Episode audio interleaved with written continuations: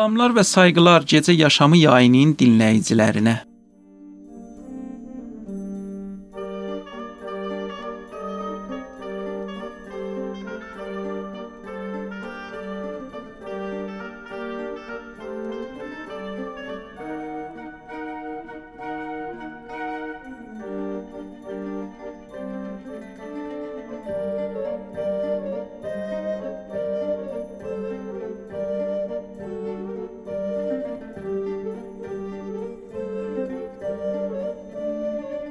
Mən Rəsul Üsyan gecə yaşamının 3-cü verişi ilə qulluğunuzdayam.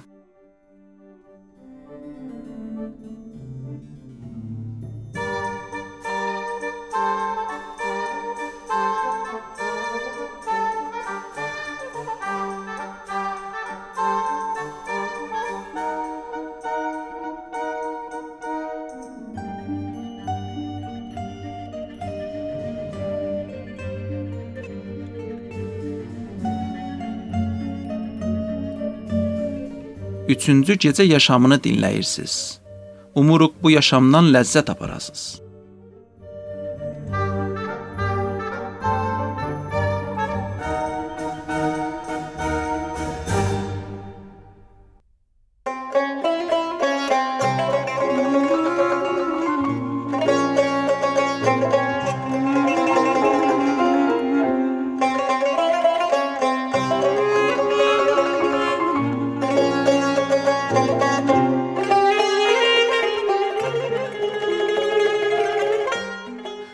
Dünya gedişatından uşaqlara qalan pay sülh və insanlıqdır, yoxsa acınacaqlı yaşam?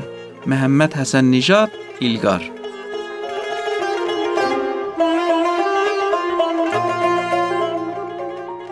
Deyirdik bir tərəfdən insanların düşüncəsi yuxarı gedər, bir tərəfdən də texnika yüksəlir. Bu ikisi əl-ələ verərsə, ədalət doğrular. Onunla belə dünya kiçilər. Savaş, işsizlik, yoxsulluq və belə bir acınacaqlı nifrət yaradan şeylər ortadan qaldırılar. İnsanların üzü gülər, daha uşaqlar nağılsız yatmazlar və körpəliş dünyaları daha da gözəllənər. Amma onun tərsinə dünyanın gedişatı, mehribançılığı, dostluğu, sevməyi, duyğusunu, söz etibarlarını və bütün insanların dəyərlərini vəhşicəsinə bir-bə-bir ayaqlamaqdadır uşaqların inandıkları ata-analardan və ikiyüzlülük məcburiyyətində yaşayırlar. Bəllidir ki, bu ortada insanlıq çox baha başa gəlir və çox səssiz halda gələcəyin ilk qurbanlığı körpələrdilər. Həmin bu uşaqlar ki, qoyun qolduğu dolmuş silahlı dünyanı idarə edəcəklər.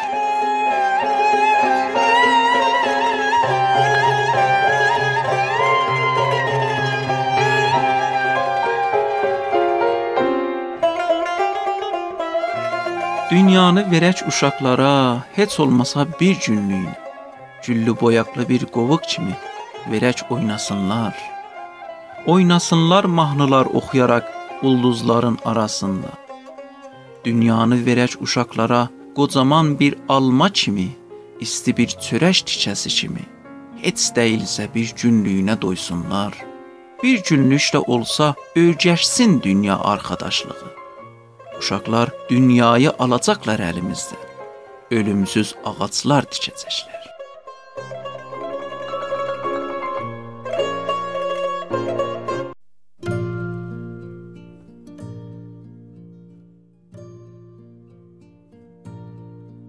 Əziz dinləyicilər, Siyavuş Tufarqanlıdan bir yazı öz səsi ilə dinləyirsiniz.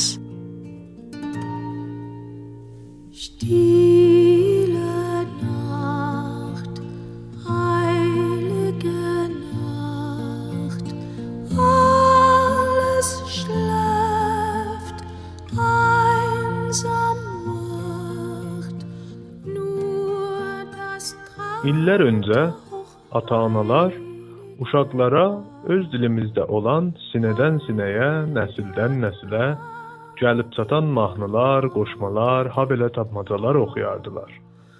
Bu qoşmalar və tapmacaların yayğınlığı fərqli olardı. Bir sırası hər bölgəyə aid, bir sırası isə Sarıgəlin mahnısına tay Azərbaycanın hər tərəfinə yayılmışdır. İndiki zamanda Bildiyiniz nədənlərə görə ədəbiyyatımızın bu bölümünün çoxu aradan getməsə də ailələrin hafizəsindən silinib silinməkdədir.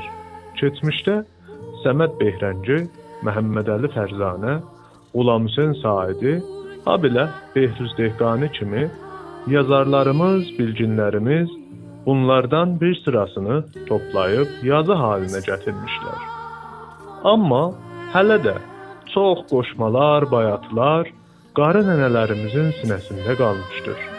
Məncə bu ədəbiyyatımıza aid olan qoşmalar, tapmacaların keçmişdən o zor günlərdən qırılıb qalanını toplamaq bu gün bizim boynumuza düşən görevdir. Bu görevi yerinə yetirmək bu günün imkanatı ilə daha rahat işdir. Siz də eləyə bilərsiniz, öz bölgənizdə oxunan qoşmalardan oxuyub, yoxsa yazıb bizə göndərəsiz. Yoxsa çeşidli yerlərdə Telegram, Twitter və Facebook kimi alanlarda hamıyla paylaşasınız. Dünyalıq Uşaq Günü münasibətinə mən də anı olaraq uşaqkən ata-anamın, nənə-babamın mənə oxuduqları Azərbaycanımızın bəzi bölgələrində yayğın olan qoşmanı sizlərə, sizlərin vasitəsilə də uşaqlara sunmaq istəyirəm. Bir gün var idi, bir gün yox idi. Allahın kərəmi çoxudur.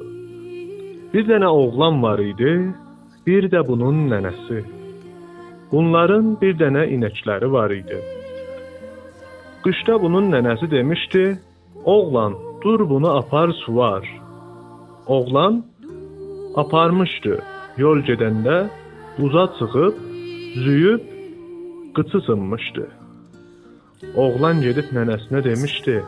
Nənəsi də gəlib üzün buza tutaraq demişdi: "Buz, sən nə zalimsən?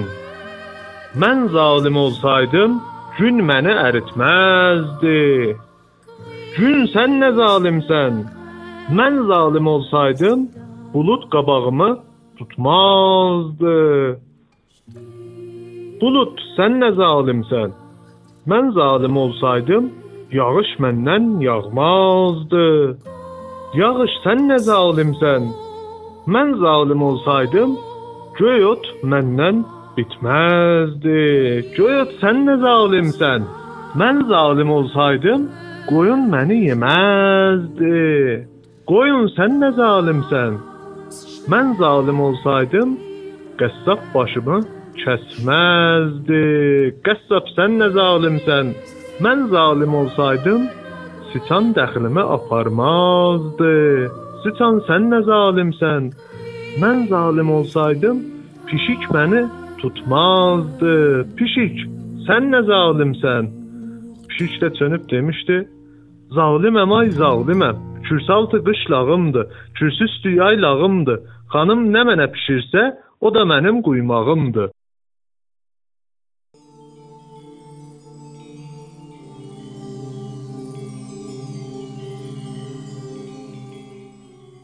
İndi isə bir yazı Səməd Behrəngidən sizə ithaf olunur. Çevirən Səccad Müslümi, səs Aysuda xanım.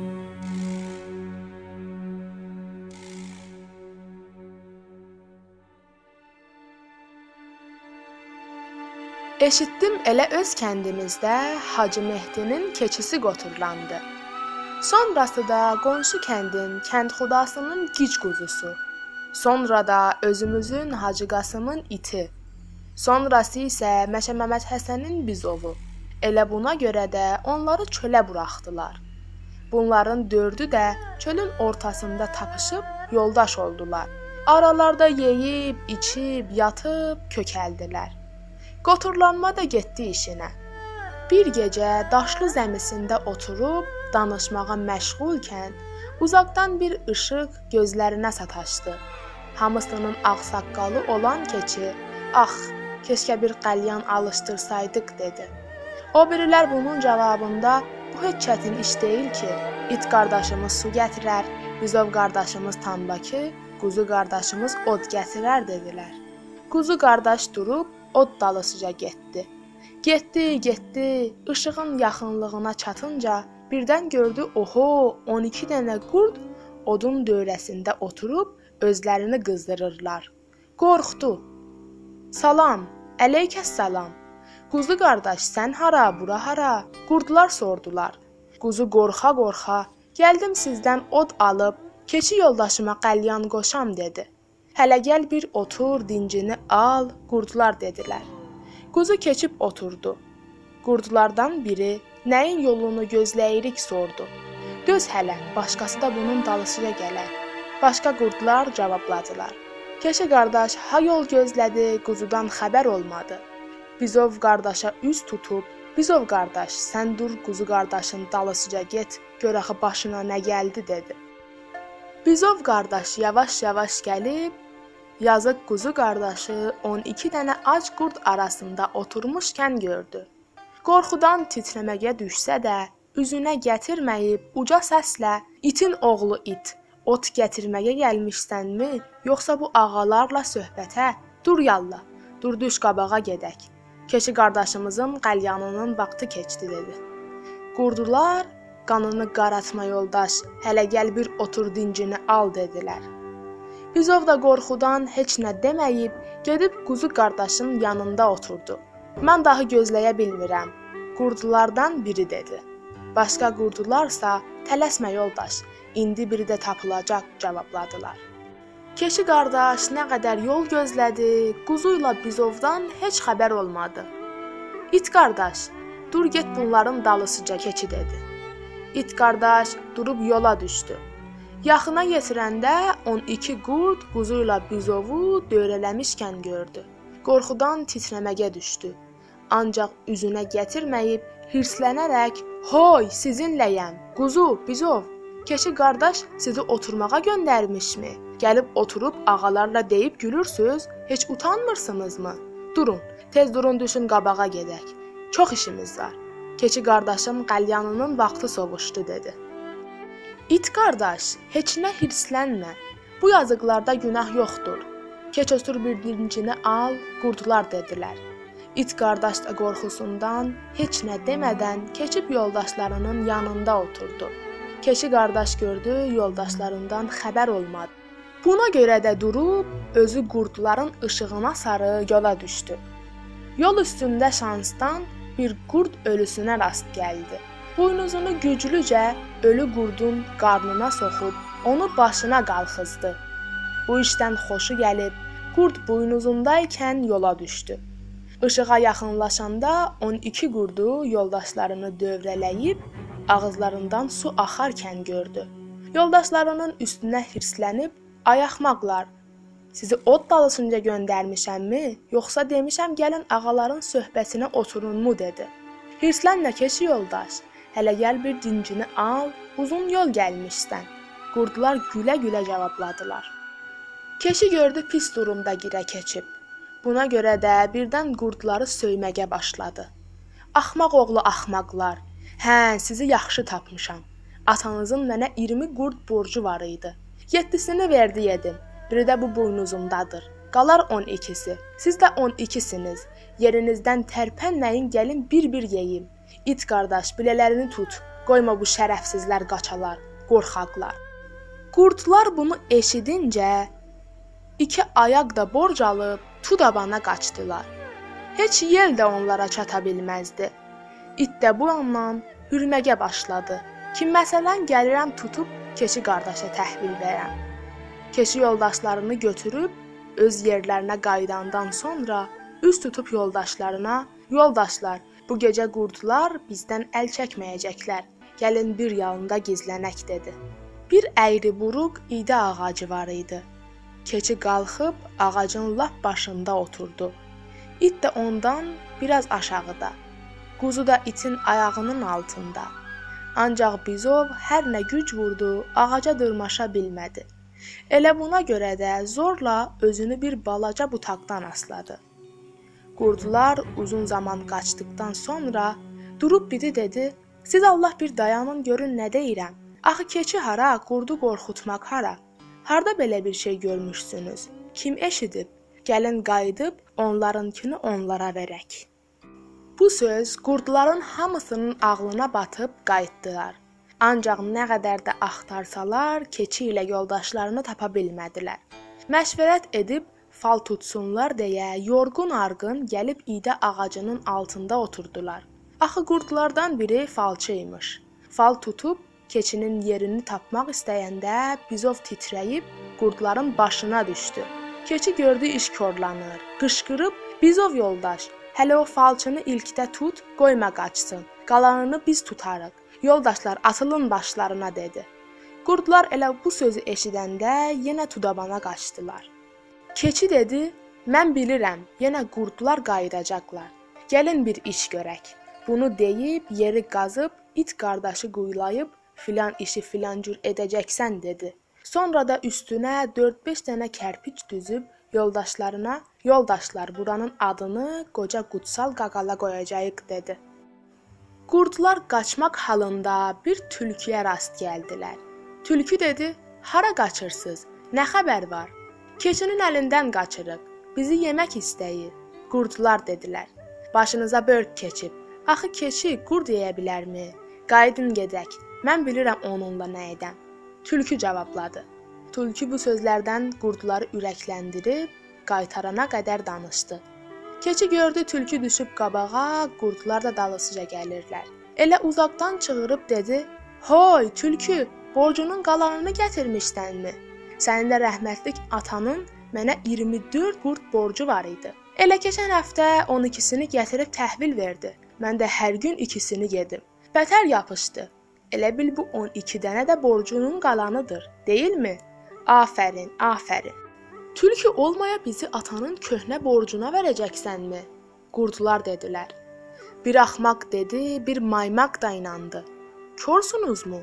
Görmürsünüzmü bu haqqabaz yalan danışır? Tülkü acıqlana-acıqlana cavabladı. Tülkü düz deyirsənsə, gəl bu qoca qutsal qaqalaya and iç. Buna and içib mənə borcun yoxdur desən, inanıb əl çəkərəm. Keçi tülküyə dedi. Tülkü hirslənib keçinin yanına gedib qəbir üstündə durub and olsun bu müqəddəs qoca qaqalaya. Yalan desəm bu qoca məni yox eləsin dedi. Tülkü bu sözü decək, it çaladan çıxıb tülkünün xırxırasını dişləri arasına salıb boğdu.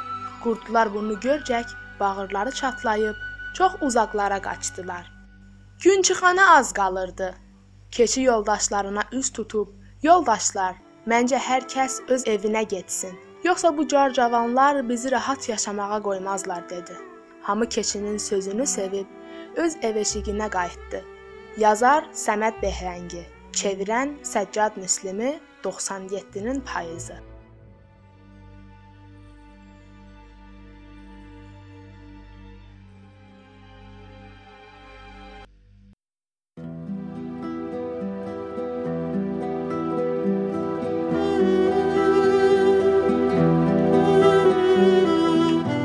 Və sonunda bir şeir Əhməd Cavadidən ithaf olunur. Əziz dinləyicilər, sağ qalın.